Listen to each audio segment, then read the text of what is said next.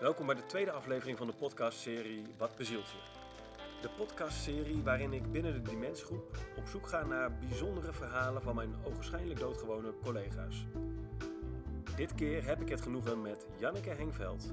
Ze is verpleegkundig specialist bij het vakteam in Deventer-Zuid en studeert aan de Universiteit voor Humanistiek, waar ze zich stort op zorgethiek en beleid. Ze neemt me mee uit wandelen in haar favoriete bosgebied vlakbij het dorp waar ze woont. Kijk, daar, is de- daar begint het bos en daar ben ik dan eh, veel te vinden. Ja, Dat is een beetje mijn habitat. ja. Ja, absoluut wel. Ja, Je zou het liefst ook wel daar willen wonen. ja eigenlijk wel. In Ja. een klein hutje. In een klein Tiny hutje. house. ja, absoluut. Ja. ja, niet te veel ruimte. Je hebt niet zo heel veel nodig. Het bos heb ik wel Oh. nodig. Het bos heb je wel nodig. Ja, het bos heb ik wel nodig. Waarvoor heb jij het bos nodig? Ehm, brengt het jou? Ja, ehm, eh, als ik blij ben, dan speel ik in het bos. Door, door te rennen en de kleine paardjes te nemen en eh, op veel om me heen te kijken en gewoon daar lekker te zijn. En als ik verdrietig ben, dan troost het bos me. Ja? Ja, Hoe, hoe dan? Hoe, hoe, hoe doet dat bos dat? oh, verschrikkelijk. Wat? Maar gewoon dat ik dat dan uit moet leggen. Ja. Ja, ik denk dat zijn, dat zijn van die. uitleggen? Ja, als, als je dat woorden geeft, dan vervalt of zo de essentie ja, ja. ervan eigenlijk alweer. Dat, dat is zo ingewikkeld met dat soort dingen. Dat als je daar. eh, Want jouw podcast gaat over bezieling. Nou, als je denkt aan bezieling, ja, dat, ja poeh.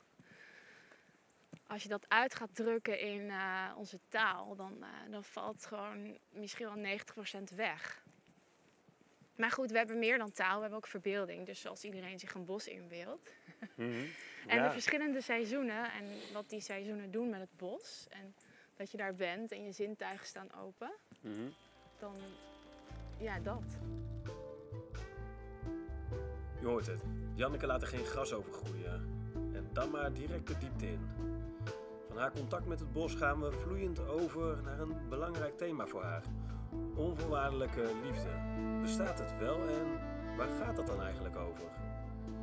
Ja, het gaat mij meer over inderdaad de ruimte die je van binnen maakt voor de ander. Dus de aandacht die je hebt voor de ander. Mhm, mhm. Eh, voor mij heeft dat dan. Ik, ik ben gefascineerd door. Het bestaat helemaal niet. Onvoorwaardelijke liefde. Bah, Dat is. ja, dat is heel. het bestaat helemaal niet. Nee, dat bestaat helemaal niet. Maar ik, ben, ik vind het wel Ja, echt fantastisch. Oké. Dus Het Dus streven naar onvoorwaardelijke streven liefde. naar onvoorwaardelijke liefde. En dat is, dat is eh, helemaal niet per se ehm, handig. Maar dat, dat is voor mij altijd een thema. Dat ik dat, en dat is altijd al zo geweest. Dat ik daarnaar zoek of zo. Van wat is dat? Ehm, en dat ik ja, daar ehm, ja, probeer vanuit te kijken. Ook al kan het niet. Wat zijn dingen die dan voorbij komen daarin? Wat, wat is daar belangrijk in voor jou? Onvo- in het thema onvoorwaardelijke liefde? Eh, ja, nou, het niet veroordelen. Het altijd willen begrijpen van eh, de, be- de motivaties van, van iemand. Het eh, willen leren kennen van iemand. Dus het achterste van iemands tong eh, willen zien. En het, het, het willen verdragen van iemands lijden. Het willen kunnen verdragen van iemands lijden. Het, ja, het uithouden bij iemand. Met iemands verdriet en pijn en lijden en dingen die er gebeurd zijn of die iemand gedaan heeft. Ik was laatst eh, twee weken geleden met, ehm, met mensen in gesprek. En ehm, toen zei ik tegen. Dat is een naaste van mij en daar ben ik bij betrokken eh, als, eh, als naaste, zeg maar. Ook iemand die in de GGZ zit. En toen zei ik ook, ja, maar je, ik mag alles tegen jou zeggen, want je weet dat ik er onvoorwaardelijk voor je ben. Mhm. En die hulpverlener die erbij zat, die, die belde me later. En, en die zei, eh, ja, je zei dat zo mooi. Hoe, je er voor, hoe je er voor haar kon zijn. Dat je er onverantwoordelijk voor haar was. en toen dacht ik, ja, dat is precies waar wat ze zegt. Want Ja, het is, zou verantwoordelijkheid. Nee, het is niet mijn verantwoordelijkheid. En het is ook onverantwoordelijk als je er onvoorwaardelijk voor iemand zou zijn. Dat kan helemaal niet. En je moet dat ook helemaal niet willen. Want iemand moet zijn of haar eigen leven leven. Maar het is niet. Het is niet Maar onvoorwaardelijk betekent dat er geen voorwaarden zijn, letterlijk, toch? Ja, er zijn en- geen voorwaarden. Precies, maar dat, daarmee bedoel ik helemaal niet in dat er geen voorwaarden zijn in, in uh, iemands eigen verantwoordelijkheden. Maar er zijn geen voorwaarden in dat je op dat moment uh, aanwezig bent voor iemand. En dat je het wil. Dat je um, naast iemand kan staan op dat moment. Het gaat helemaal niet over het overnemen van dingen of verantwoordelijkheden of zo. Het is meer dat houdingsaspect. Ja, en uh, dat bezit ik heel vaak niet. Dus blijf ik daar toch naar zoeken.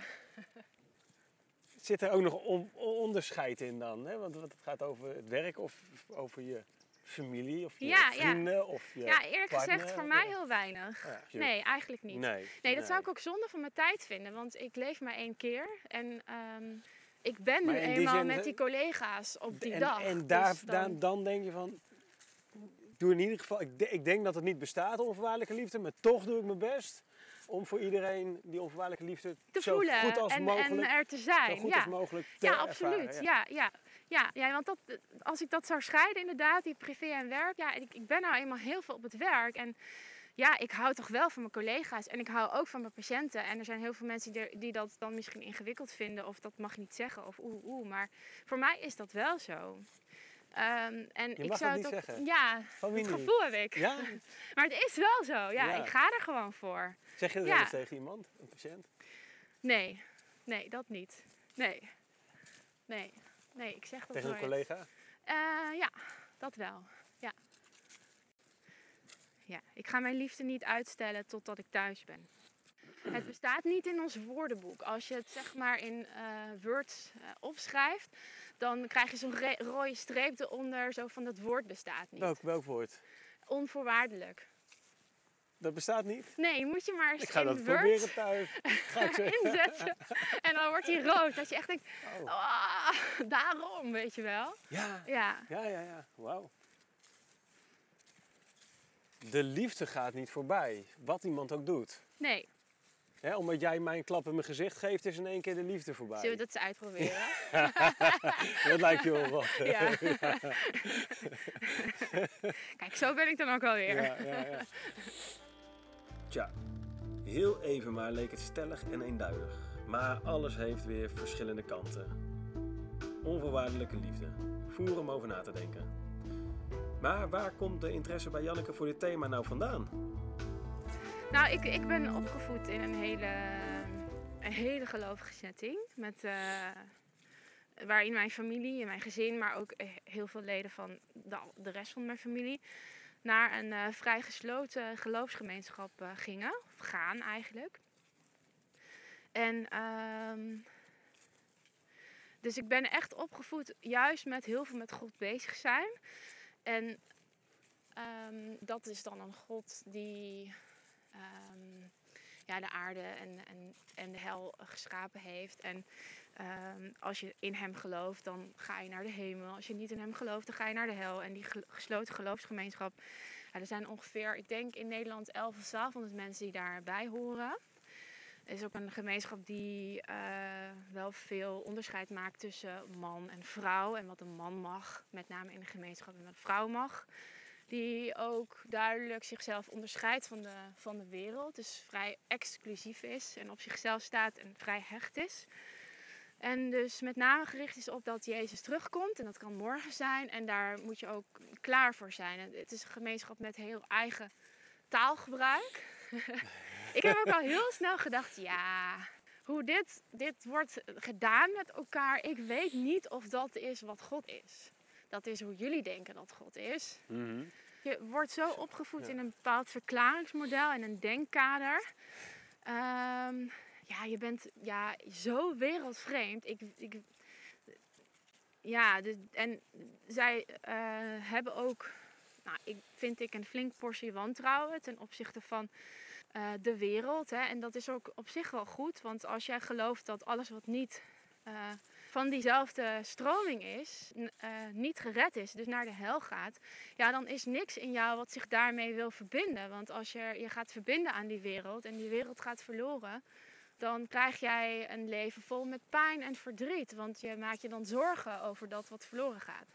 ja, als je dan om iemand gaat geven, iemand in je klas, dan worstel je voortdurend met het idee dat die persoon Naar de hel gaat. naar de hel gaat. Bij voorbaat al. Ja, dus je kan maar beter niet te veel hechten, want dan heb je dat ook niet. Dus Wauw, ja, jeetje. ja. Ehm, ja, en daar heb ik dus over nagedacht. Als het ging over wat bezielt je. Dat ik, dat ik, ik heb het vorige week even met Jan Willem over gehad. Van, ehm, dat dit eraan zat te komen. Mhm. En eh, ja, dat ik ook wel heel dankbaar was. Ik dacht van ja, hoe, het is me echt zo goed gelukt om me wel te verbinden aan die wereld. En dat dat om me heen is. Ik kan wel zeggen, daar komt mijn fascinatie vandaan. Maar dat is ook weer niet waar. Want ja, het is gewoon ingeboren. Wat maakt dat ik daar in die setting geboren ben. En, Daar heb je ehm, niks over te zeggen. je- daar Toch? heb je niks over te zeggen. En Nee. ook dat je, eh, dat je daarin denkt, nou ja, je kan het wel zeggen, maar ik ga zelf op zoek. Daar heb je ook niks over te zeggen. Dat Nee. is gewoon een, een ingeboren eh, eigen gereidheid. Dat is geen keuze of zo. Nee. Nee, dus, dus dat is nog steeds geen antwoord op wat bezielt je. Het is alleen, ehm, ja, ja een, een stukje verhaal erbij. Maar is absoluut geen antwoord. Stukje verhaal erbij. Ja, een stukje verhaal.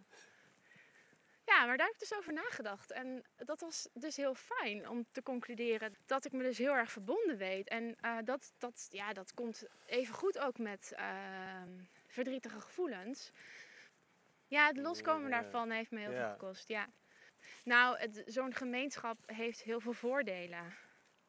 Je familie eh, is dichtbij. eh, er zijn altijd mensen waar je op terug kan vallen. Ehm, ja, een bepaalde waarheid hebben is ook heel prettig. Dus als je dat loslaat, dan eh, moet je ook opnieuw beginnen. Eh, het vertrouwen van mensen die niet in die gemeenschap eh, zijn. Het zoeken naar, ja, maar wat moet ik dan wel geloven? Of hoe zit de, waar, de, de werkelijkheid dan in elkaar? Het, het, eigenlijk ga je op zoek naar een nieuw verklaringsmodel. Maar dat, dat zie ik dan nu. Die had ik wel weer even gevonden en dat heb ik dan ook weer gelaten voor wat het is. En nu accepteer ik maar dat ik heel veel niet weet. Oh ja. En dat vind ik eigenlijk wel prima. het scheelt me wel een hele denklaag, het, eh, het niet weten. Ehm, ja, dus dat is, dat is moeilijk om dan min of meer alleen op zoek te gaan naar, ja, toch ehm, mensen met name. Ja, contact Ja. verbinding. Hou vast. Als je dus kijkt, en dat vind ik, ik vind het dus heel leuk om ehm, generationeel te denken. Als je dus kijkt naar mijn ouders en wat voor hen belangrijk is, dan is dat die groepering. Dan Ja. is dat. Hè, en, en zij hebben uit hun liefde voor mij dat na willen laten aan mij. Dat is, als ik, hè, ik kan alles doen. Ik kan eh, directeur van de Nederlandse bank worden. Of eh, minister-president van Amerika. Hoewel dat dus weer niet mag als je geen eh, burger bent van Amerika. Dus dat wordt hem niet. Maar van Nederland. Ja. En ik, maar dat maakt allemaal niet uit. Ik kan het niet voor hen goed maken. Want zij hadden voor mij gewild dat ik eh, In in, Jezus had geloofd. ja. En ook naar die specifieke samenkomst zou zijn gegaan. Zoals zij dat doen. ja.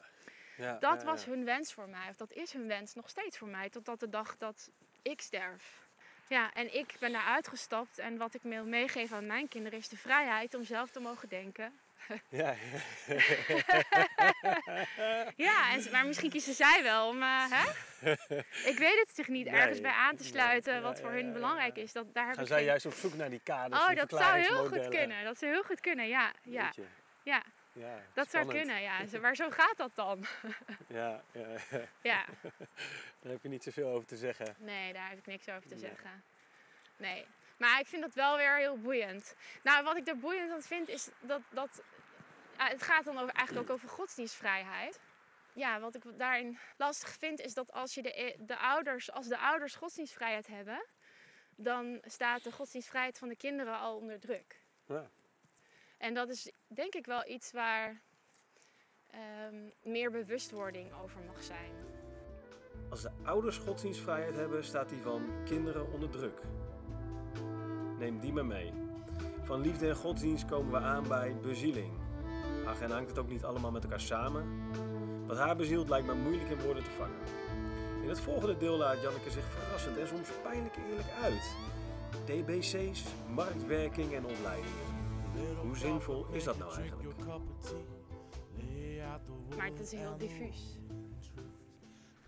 Want wat is dat dan? En waar gaat het dan Nou, over? ja, weet je. En een van de problemen waarom we het er niet zoveel over hebben, is natuurlijk ook dat het heel moeilijk onder woorden te brengen valt. Frustreert dat je? Nee, eh, nee, dat, dat, nee, het fascineert me eerder. Ja? Ja. Ja, nee, het is absoluut geen frustratie. Het, Nee, het veel fascineert je dat het zo moeilijk... Ja, dat het, eh, dat het niet zo goed te, te vatten is. En dat Mhm. het voor iedereen anders kan zijn.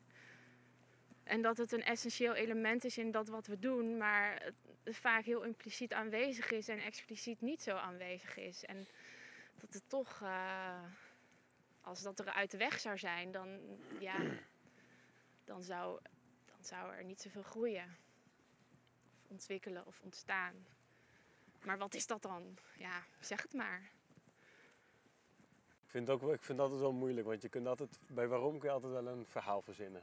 Ja, je Ja. kan altijd wel, ik bedoel, dat is het dus ook. Ik kan heus wel mijn narratief, mijn levensverhaal vertellen en daar elementen in vinden wat maakt dat ik dit werk ben gaan doen en waarom ik zingeving belangrijk vind en waarom ik het op deze manier wil doen en waarom ik altijd gefocust ben op het hoe en niet op het wat. Ik kan dat allemaal heel goed verklaren, maar dat is het niet.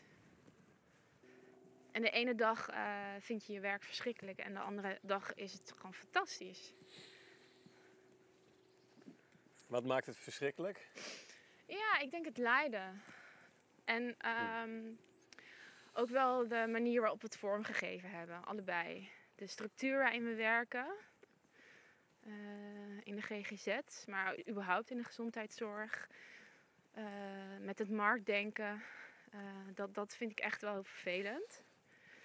En mag ik Eh. denken dat je, eh, Ja, het vraagt een extra vertaalslag in je hoofd om dat wat je doet om te zetten in een ander soort taal. En daar moet je in functioneren, zeg maar. Dat vind ik echt.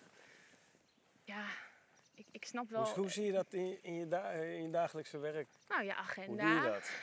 Je agenda. de minuten, eh, de mailtjes dat bepaalde DWC's inactief zijn of eh, de, de bepaalde de caseload die, die, je, die, je, die je moet hebben omdat je anders niet genoeg eh, inkomsten derft. Dat je kan zien hoeveel productie je gedraaid hebt. Niet dat ik daar ooit naar kijk, maar je kunt, je kunt het inzien. Ja, ben je een beetje productief? Ik heb geen idee. ik vermoed van wel, maar ik heb geen bewijs. Ehm, is toch wel iets waar het bij mij op de opleiding wel over gaat. En aan het begin van de marktwerking heb je wel bepaalde ideeën gehad of idealen die ze hebben willen nastreven met die marktwerking. En ik moet eerlijk zeggen dat ik niet kan reproduceren wat die idealen ook precies zijn. Ehm, maar ik denk dat het gaat over het zorgvuldige besteden van je geld en eh, zorg ook gelijk verdelen en allemaal dat soort dingen. Ehm, maar in de praktijk, ehm,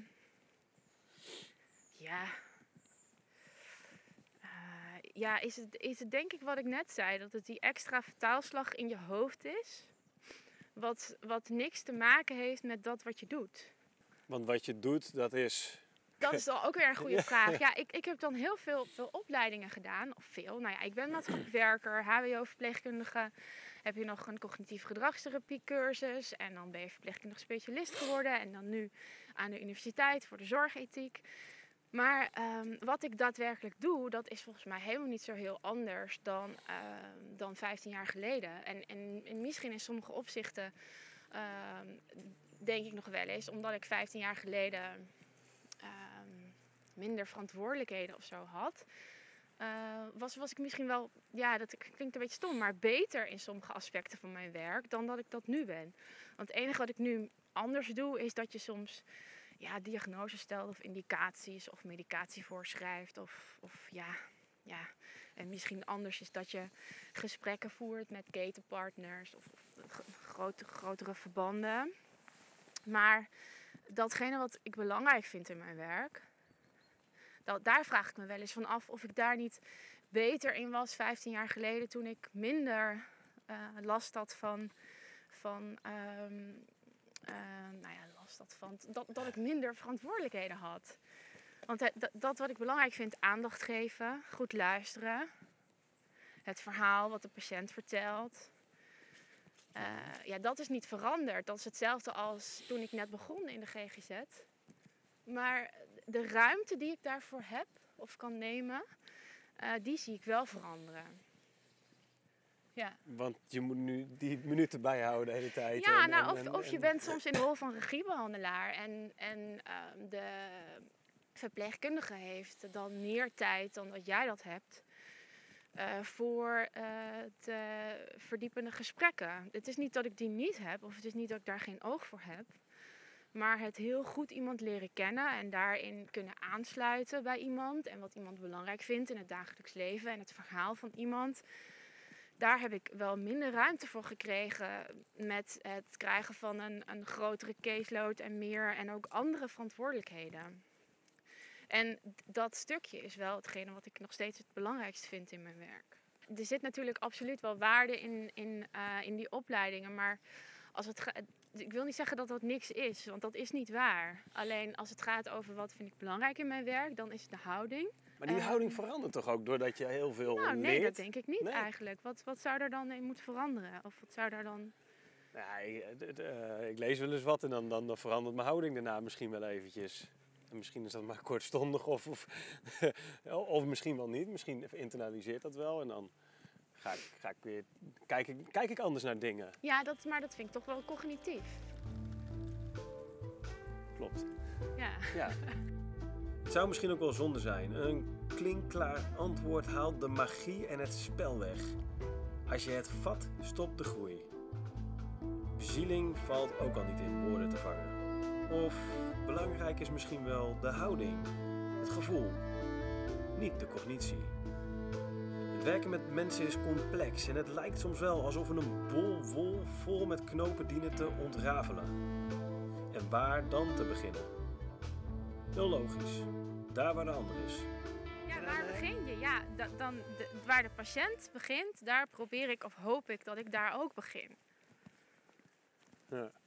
Ja. En dan is het een soort dans. Waarbij je eh, kijkt of je kan aansluiten. En of je er dan samen eh, een gedeeld verhaal van kan maken. In diagnostische termen, maar ook in narratieve termen. En van daaruit eh, kan, samen kan kijken, maar waar gaan we nou naartoe? Ja. En dat lukt niet met iedereen, maar dat lukt wel met heel veel mensen. Naar een... Ja, en soms ga je niet ergens naartoe, maar dan kun je ook samen concluderen hè, dat het niet ergens naartoe gaat. Dat is ook een van die straminen die we hebben gekozen waarin we fusioneren, is dat we met iedereen een doel maken. Ja. Ja, en dan kun je ook afvragen of de mens niet beter floreert in een omgeving zonder al die doelen. Maar dat, dat, dat kun je je afvragen. dat vraag ik me wel eens Dat af. vraag jij je wel eens Nou, af. ik heb heel veel vragen wat dat betreft, zeg maar. Ik, Ja. ik, ik kan me prima verhouden tot het systeem, maar het is gewoon maar een systeem. En je kunt wel heel veel betwijfelen over hoe we de dingen doen. Maar ik, ja, dat we het zo doen, ja, ik kan ook niet iets beters verzinnen hoor. Dus eh, meestal overkomt het je dat waar het om gaat. Dat moment in de spreekkamer dat iemand iets onthouden heeft van waar je het de vorige keer over gehad hebt. Of dat iemand iets Oh ja. gedaan heeft waar je als hulpverlener echt denkt, jeetje, ik ben zo trots op je. Of dat je eh, Ja. even allebei de tranen in je ogen hebt om iets wat er gebeurt. Of dat, ja, of dat soort momenten, ja, dat, dat kun je niet creëren met eh, welk plan dan ook. Of welk doel dan ook. En toch moeten we er mee werken. Met die Toch moeten en wij daarmee werken. En daar doe ik mijn stinkende best voor. Om? Met zo'n plan te werken. Ja? Jawel, natuurlijk wel. Ja. Nee, het, ja, ook daarin, als je dat dus wel samen kan opstellen, dat geeft ook weer hele mooie gesprekken. Nou, hier ben ik het niet mee eens, daar ben ik het wel mee eens en daar zou ik het andere woord kiezen. En waarom is dat dan? En ja, je hebt wel een overeenkomst, je hebt wel een basis van waaruit je kan vertrekken. Dus ik wil het niet, dat niet van, van de waarde ontdoen, maar het is wel betwijfelbaar. En ik, dat, is, dat is precies wat ik zeg. Ik, ik weet niet, ook, ook niet hoe het anders zou moeten. Nee. Nee. Dus binnen het systeem wat er is, eh, ja, doe ik gewoon wat eh, we met z'n allen bedacht hebben. Maar over hoe we dat doen, ja, daar, daar kan ik me wel duizend vragen over stellen. Maar dat, dat, dat probeer ik eh, te onderdrukken, want anders word je, daar word je wel heel moe van. Van al die vragen die Ja. over dat systeem zijn. Ja, en dat systeem zit dan weer in een, in een maatschappelijke context. En dat verhoudt zich dan ook weer op een bepaalde manier tot elkaar. En ja, we hebben natuurlijk nu heel erg de visie dat de inclusie in de maatschappij. Dus hup, al die mensen de maatschappij in. Ja, en wat zeggen we daar nou eigenlijk mee? Ja, eigenlijk wat ik daarmee zeg is dat ik dat dus, of dat wij dat als GGZ dus niet zijn. En dat is dus niet, Dat is niet echt inclusief. nee, dat is niet inclusief. Nee, dus ik probeer me daar bewust van te zijn. Maar dat is wat, iets wat me opvalt. Ga de maatschappij maar in. Ja, dat hoort bij de gemeente. Ja, wij horen ook bij de gemeente. Wij zijn allemaal burgers. We zijn allemaal, Ja, ja. ja. En ja, ik kan er de vinger heel vaak niet op leggen. Maar ja. En ook niet, ik heb ook geen idee over hoe dan wel of hoe dan anders. Veel te ingewikkeld. Ja. maar daar moeten we met elkaar toch over blijven nadenken. ja. Zeg jij er eens wat van dan? Ja, veel te ingewikkeld. nee, nee, nee. nee. Ik, grappig, ik herken heel erg wat je zegt. Van, ja, ik, het- het- zolang ik het zelf, of ik, weet het zelf niet, ik kan het zelf niet beter verzinnen dan het nu is. Ja. Eh, binnen de context waarin ik leef. In mijn beleving wordt, het, wordt, het, wordt, het, eh, wordt de, de bandbreedte eh alsmaar smaller, lijkt het soms wel. Ik vind het wel moeilijk dat ik betaald krijg voor wat ik doe. Nou, dat, dat vind ik dus ook. dat eh, haalt voor dat- mij wel de essentie absoluut. altijd weg. Nee, dat ben ik absoluut met je eens. Want ik, dat is ook echt iets wat toen ik begon met dit vak, dat ik op, de af, op een afdeling werkte en dat ik dan naast iemand zat. En nou, dat was met ouderen, dus dan, dan eh, begeleiden ze je met eten, ze, je ze met het eten en zo. En dat ik me echt realiseerde van, jeetje, dat ik hier betaald voor krijg. Ik hoef alleen maar hier aandacht te geven en aardig te zijn. En, en ik krijg gewoon geld hiervoor. Ja, is Ja. toch raar? Nou, dat vind ik dus niet. Oh, ja, nee, want wat je. ehm, maar dat heeft een beetje met. Ik ben natuurlijk net met de opleiding eh Zorgethiek en Beleid begonnen. En. ehm, kijk, er is altijd wel iemand die zorgt. En als je alle mensen die ergens voor zorgen dus niet betaalt, wat je dan straks krijgt. Ja, ik kan het niet helemaal, ik kan het niet helemaal goed uitleggen. Maar ik vind juist dat de zorg ehm, eh, eerder ondergewaardeerd wordt dan, dan overgewaardeerd. Dus ik vind het echt prima dat het betaald wordt, want we, we steken ook onze tijd daarin. volgens mij is het daarom belangrijk dat we er wel over na blijven denken. Van hé, wat, wat doen we nou eigenlijk? Ja, en Wat- wat zeggen we daarmee? Hè? En hoe stellen Ja. we onszelf op? En wat is dus dan onze verantwoordelijkheid als GGZ in die maatschappij? Hebben we daar een verantwoordelijkheid en hoe ziet die er dan uit? Dat vind ik dan ook wel weer een intrigerend thema. Wat, wat, eh, wat, wat de GGZ nou eigenlijk behelst. En wat onze verantwoordelijkheden wel en niet zijn. Waar begint dat? Mhm. Waar, waar stopt dat? En wat behelst dat? Ons vak lijkt veelomvattend, maar zelfs de milieuproblematiek? Nou, als het aan Janneke ligt wel. Met de minste moeite legt ze de vraag op tafel over welke rol de GGZ heeft bij de psychische gevolgen van klimaatveranderingen. Kijk, als we als aarde zo doorgaan, dan, ehm, dan gaat dat niet goed. En ik vraag me wel af wat dat betekent voor onze patiënten, zowel in het hier en nu als in de toekomst. En of wij daar ook niet al een preventieve rol in moeten spelen als GGZ. Als bewakers van de mentale gezondheid van onze Mhm. samenleving. Zijn we dat? Of wie is dat eigenlijk? En ehm, staan we erbij stil dat ehm, als we zo doorgaan en er komen natuurrampen aan, dat daar mensen door beschadigd worden, ook psychisch. Ja. De verduurzaming die we nu moeten doen, eh, die doen we wel aan onze gebouwen in de GGZ.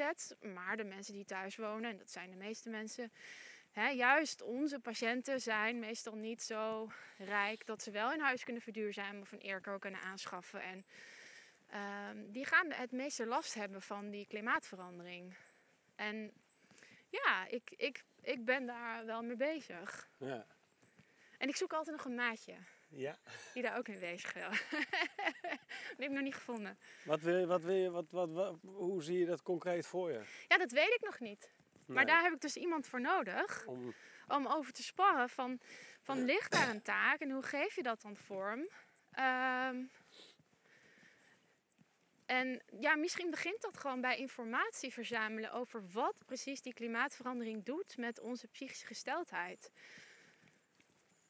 Ja, En ik denk als het gaat over in het hier en nu, hè, dan heb je nu natuurlijk al wel de boeren die last hebben van klimaatbeleid. Mhm. En je zult hier en daar mensen hebben die zich erg veel zorgen maken over de opwarming van de aarde. En dat kan je dan een klimaatdepressie noemen of klimaatangst. Dat zou ik eigenlijk al niet zo willen noemen, maar zo wordt het dan genoemd. Maar dus dat speelt er dan al wel. Maar verder denk ik, ja, als er wel ehm, meer op ons af gaat komen, dan vraagt dat wat van elke burger qua mentale weerbaarheid, qua psychische veerkracht. Ehm, en ja, dat, wanneer beginnen we om daar ons wat beter op voor te bereiden? En daarnaast, inderdaad, wat ik net zeg, degenen die er het meest onder te lijden zullen hebben, zijn dat niet de mensen die nu al worstelen met psychische klachten. Ehm, en ik kan me daar wel redelijk voor beschermen als ik mijn huis nog redelijk kan aanpassen. En het is goed geïsoleerd huis, is vrij nieuw. En eh, weet je, dan, dat kan ik wel verduurzamen. Of ik moet een airco kopen, weet je. Dan, en dan kom ik die nacht wel door. Maar de meeste van mijn patiënten die kunnen dat niet betalen. En die zijn juist al, dat zijn juist al mensen die daar al mee worstelen. Dat, is, dat gaat, een on, oneerlijke, er gaat een oneerlijke verdeling komen. mhm. Ik had laatst een patiënt die vertelde dat ze haar huis aan het verduurzamen was. Dat was de eerste. En ik dacht echt, wow, dat heb ik nog nooit gehoord van een patiënt. Nee, Terwijl onder collega's, ja, is dat wel het geval. mensen bezig. Ja, Ja, ja, ja. ja. Dus je ziet nu al eigenlijk een best wel een kloof tussen die... Een kloof, ja. ja. En, en überhaupt, stel je voor dat er een bosbrand in Nederland uitbreekt, op de Veluwe, of misschien wel hier waar we nu lopen. Is het gauw afgelopen met onze natuur? Ja, maar eh, de, de, de, is heel cynisch. Met onze natuur, nee, dat is absoluut waar. Dat is wel heel cynisch. Ja, of eh, de zeespiegel stijgt. En dat, dat lijkt dan nog wel heel lang te duren. Maar voor hè, de, de, de Erin, die net geboren is eh, van de zomer, is dat misschien al wel realiteit. En dat is misschien toch een hele hoop PTSS die we kunnen, nou ja, voorkomen wil ik niet zeggen. Daar is het waarschijnlijk te laat voor. Maar ja, die, Ja. Nou? nou ja, in ieder geval moeten we dat proberen zoveel mogelijk te verminderen misschien. Ja. Ja. Maar ja, misschien, misschien, ik, misschien is dat geen taak van de GGZ. Dat is denk ik mijn vraag. Nou ja, is Wat het een, is, is de een- verantwoordelijkheid van de GGZ hierin? Is er een verantwoordelijkheid van de GGZ? En waar begint die en waar houdt die op? Ja, We komen aan bij Dirk de Wachter, Borderline Times. Richten we ons niet te veel op het individu, terwijl de problemen misschien eerder in de maatschappij, onze manier van leven liggen.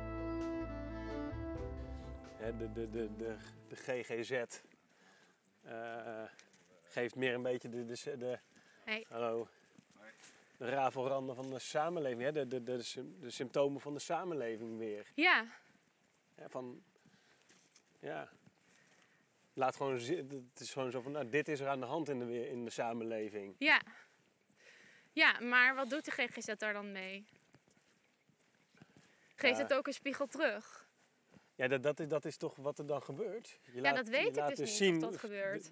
de- iemand valt uit om wat voor reden dan ook, omdat hij heel erg, zich heel erg... Ja, maar dat, he- dat hebben we natuurlijk heel erg in ons systeem geïndividualiseerd.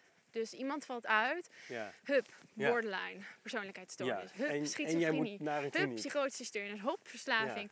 En er komt geen spiegel naar de maatschappij eh, terug van wat het aandeel is van hoe wij het leven met elkaar georganiseerd hebben. Nee, het is een individueel probleem. Die gaan we individueel behandelen.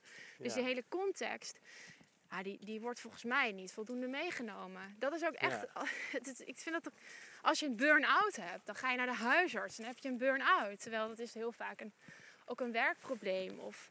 of ehm, een systeemprobleem, een zingevingsprobleem, een systeemprobleem ook. Ja, Ehm, maar jij krijgt de, de, ja, wat is het?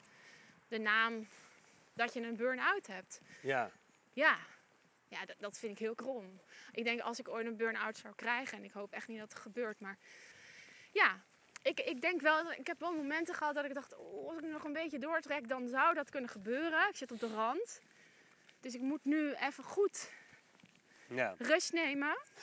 En, maar dan had ik me al wel voorgenomen, als het wel gebeurt, ga ik niet naar de huisarts. Wauw. Ja. Maar goed, zover is het niet geweest. Dus ik heb grote praatjes. Sowieso niks. Maar eh, Sowieso met niks. met niks? Naar de huisarts. Oh jawel hoor, jawel, jawel. Als mijn lijf eh, klaagt, dan, eh, dan laat ik het eh, zien aan de huisarts. Nou ja. Ja. Maar met je, met je geestelijke sores dan... Nee, maar ik dacht, dan zou ik, ja, nee, dat zou ik wel doen hoor. Absoluut wel. Nee, als ik zou denken dat ik daar baat bij heb. Het is ook niet dat ik nooit naar een psycholoog geweest ben of zo. Dat, dat, op die manier zorg ik wel voor mezelf. Als ik ergens tegenaan loop, mhm. dan zoek ik wel een, een supervisor. Ja. En dan, eh, dan ga ik daarmee bezig. Zeker. Maar dat is wel grappig. Ik zou dus echt nooit naar de GGZ gaan. Oeh. Terwijl ik er zelf werk. Oei. Ja. Ja. Want? Nou ja, nooit kan ik niet zeggen. Want misschien kom ik natuurlijk wel in een situatie dat het je wel moet. Hè? Als ik eh, volgende week psychotisch over straat loop. Omdat iemand eh, iets in me tegengedaan heeft. Wat lijkt op een druk of weet ik veel. Of Gewoon, er knapt iets. ja, dan, dan beland ik natuurlijk wel in die GGZ. Ja. Ja, dat zou ik toch heel vervelend vinden.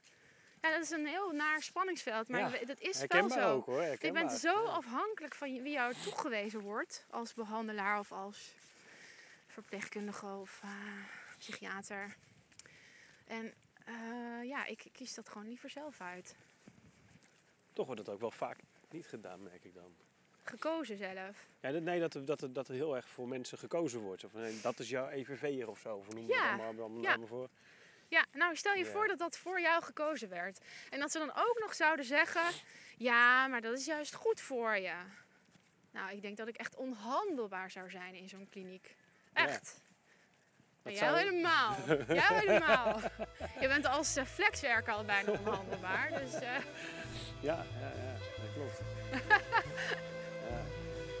ja.